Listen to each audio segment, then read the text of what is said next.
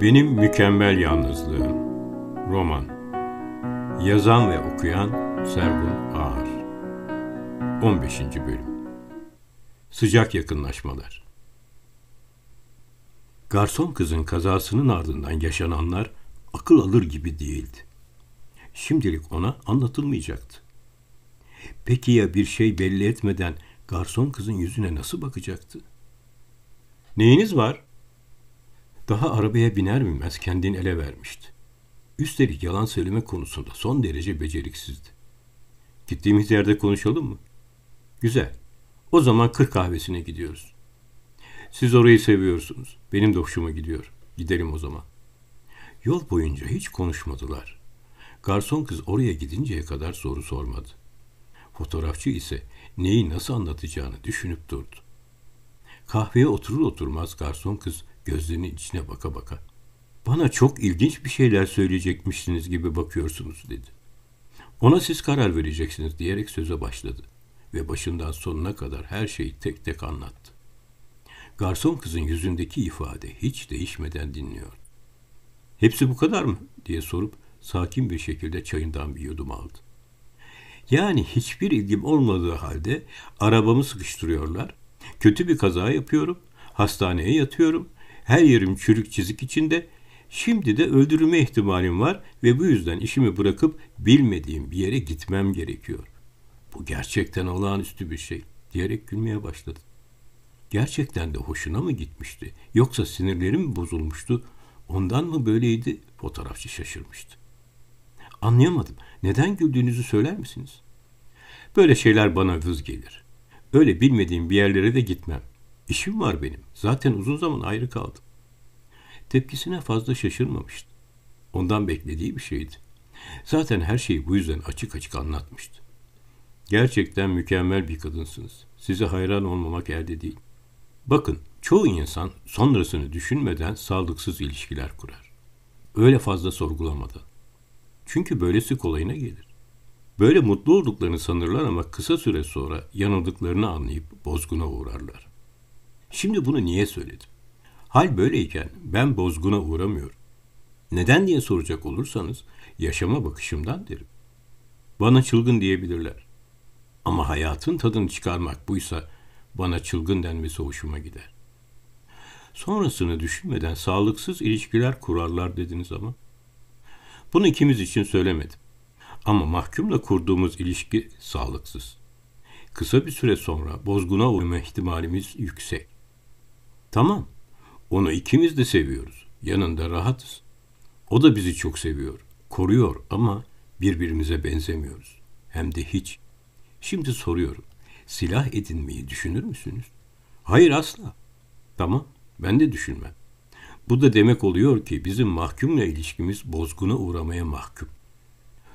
Oysa biz bu akşam yemek yiyeceğimiz iki lezbiyenle aynı teknedeyiz. Aynı denizlerde geziyoruz.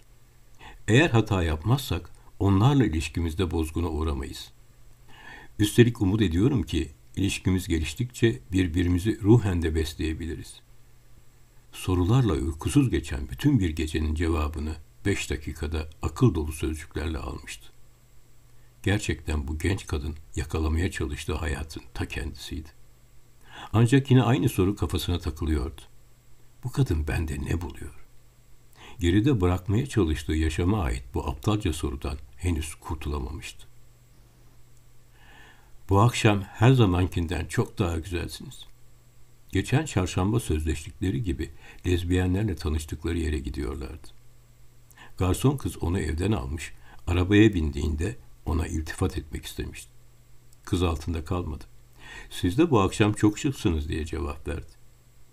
Bizi davet ettiler. Onlara karşı saygılı olmak istedim.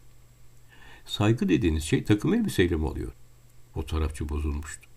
Öyle demek istemedim. Tabii ki hayır. Ama ben böyle şeylere dikkat ederim. Ayrıca siz de çok özenli hazırlanmışsınız. Yani farklı değiliz. Bozulmayın canım. Şaka yapmıştım. Sizin saygı anlayışınızı biliyorum.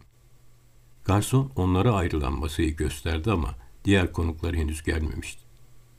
Masaya otururlarken fotoğrafçı sordu. Benim saygı anlayışımı gerçekten biliyor musunuz? Elbette. Nasıl? Çünkü hoşgörülüsünüz. Karşınızdakini anlamaya çalışıyorsunuz. Fikirlerini önemsiyorsunuz. Kimseyi rahatsız edecek, incitecek bir şey yapmıyorsunuz. Samimi bir bağımlılığınız var. Yetmez mi? Bir şey söylemedi. Gerçekten öyle miydi? Karşısında oturan kadından gözlerini alamıyordu. Buna karşılık kadın bu durumdan biraz sıkılsa da hoşuna gitmişti. Siz kendimi güzel hissetmem için her şeyi yapıyorsunuz. Ben bir şey yapmıyorum. Sizi seyrediyorum.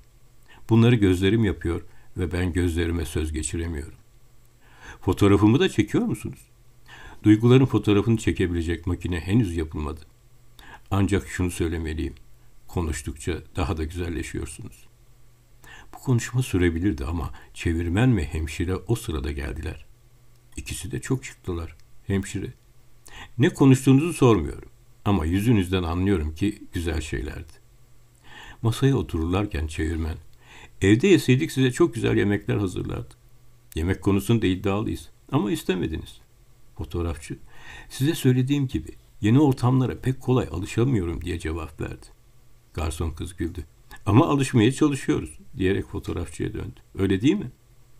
O sırada garson siparişleri almaya gelmişti. Hemşire, buranın mantar soslu bonfilesi harikadır. Tavsiye ederim deyince garson kız özür diler gibi. Ben bir süredir vejetaryen olmaya karar verdim dedi. O zaman size karışık sebze ızgara söyleyelim. Evet, çok iyi olur. Fotoğrafçı şaşırmıştı. Bu akşama kadar onun vejetaryen olduğunu bilmiyordu. Açıkçası onun hakkında galiba fazla bir şey bilmiyordu. Bunu daha sonra konuşmalıydı. Yine konuya döndü. Geçen akşam gerçekten güzeldi. Buranın huzurlu bir havası var. Sizinle tanışmak, yaptığımız sohbet bana gerçekten iyi geldi. Kahvesi de tam istediğim gibiydi. O yüzden burada olmayı tercih ettim. Konuştukça üzerindeki sıkıntıyı atmış, garson kız bunu hemen fark etmişti. Bugün başkalarıyla ilişkilerimiz üzerine konuşurken sizden söz ettim.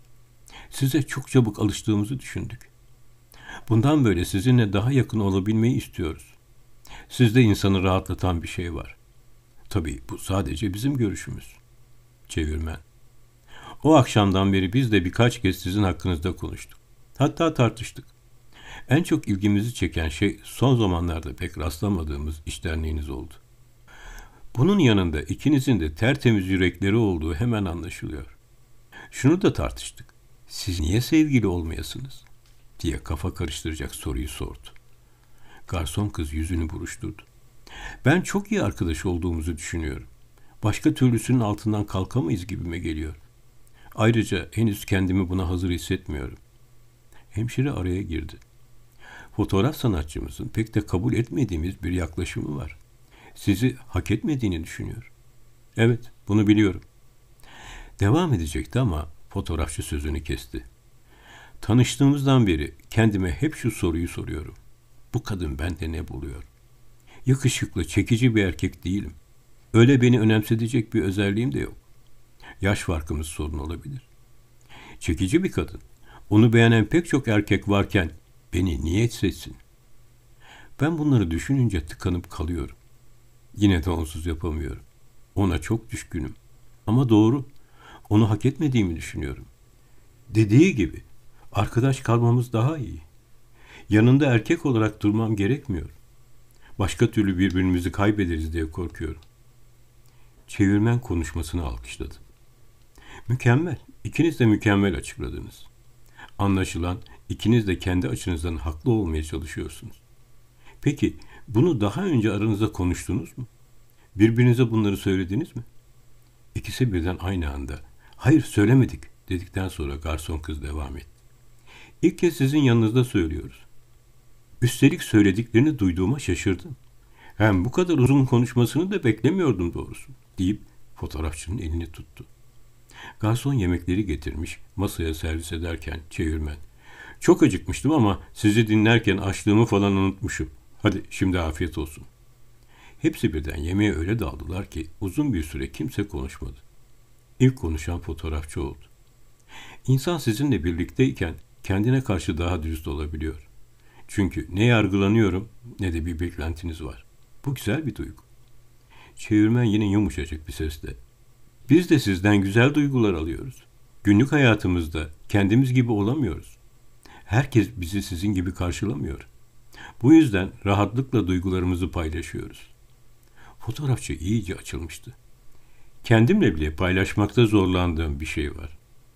Son zamanlarda hayatımı iki kişi olarak yaşıyorum ve hangisinin sahici olduğunu kavrayamıyorum. Açıkçası kim olmak istediğimi bilemiyorum. Hemşire yüzüne sevgiyle baktı.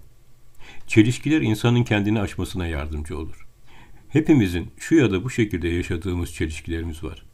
Yapmamız gereken şey cesur bir adım atmaktır.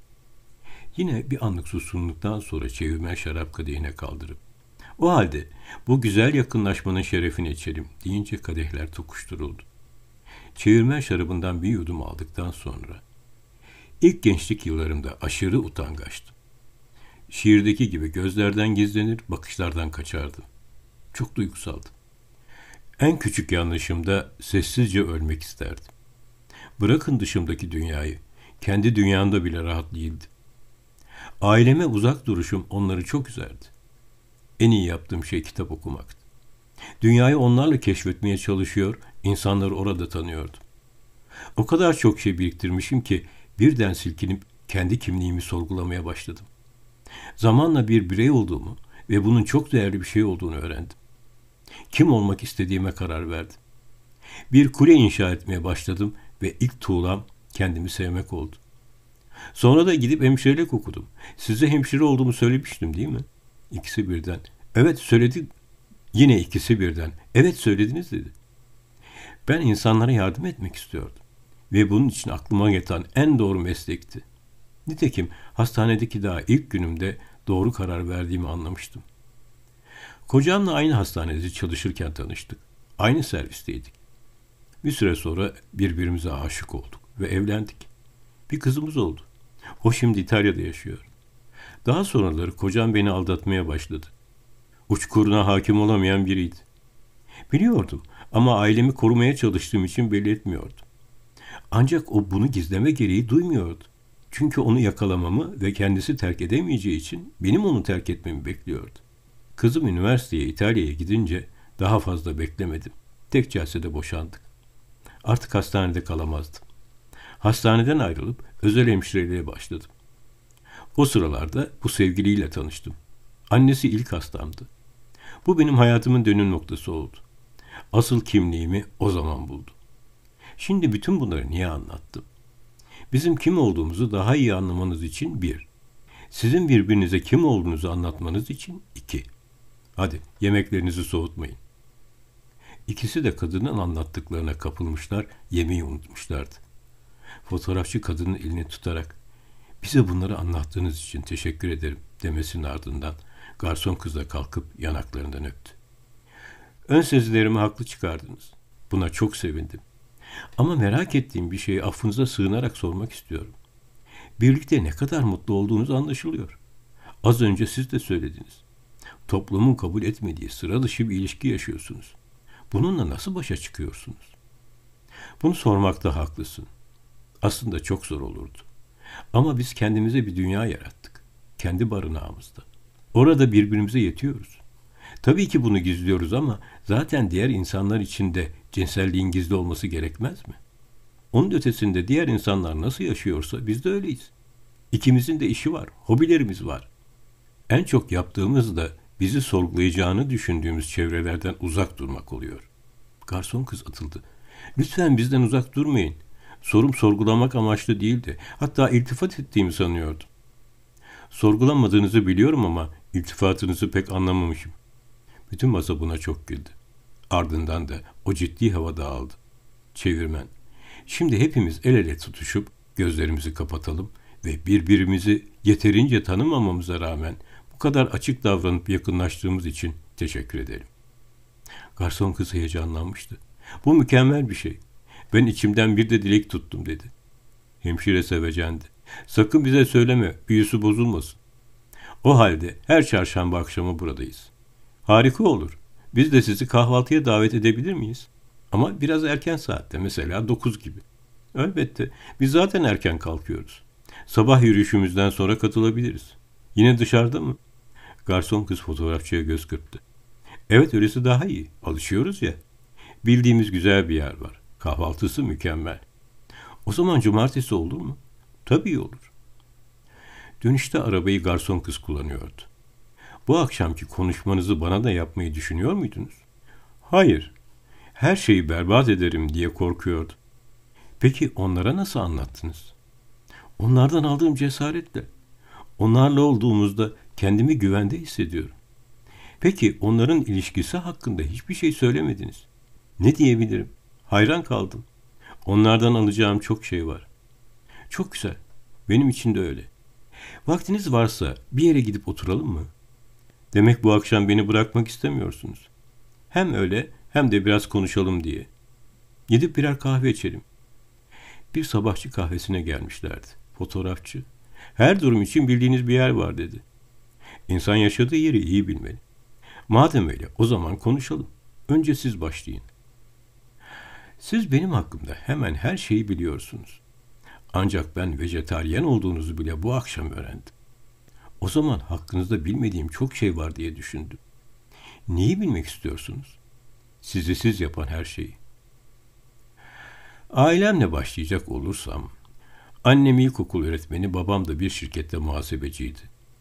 Babamın babasından kalma bahçeli bir evde oturuyorduk. Pek özelliği olmayan, orta sınıf bir aile işte. Benden bir yaş küçük kız kardeşim var. Matematik öğretmeni oldu. İki yıl önce de evlendi. Onunla çocukluğumuz çok güzel geçti diyebilirim.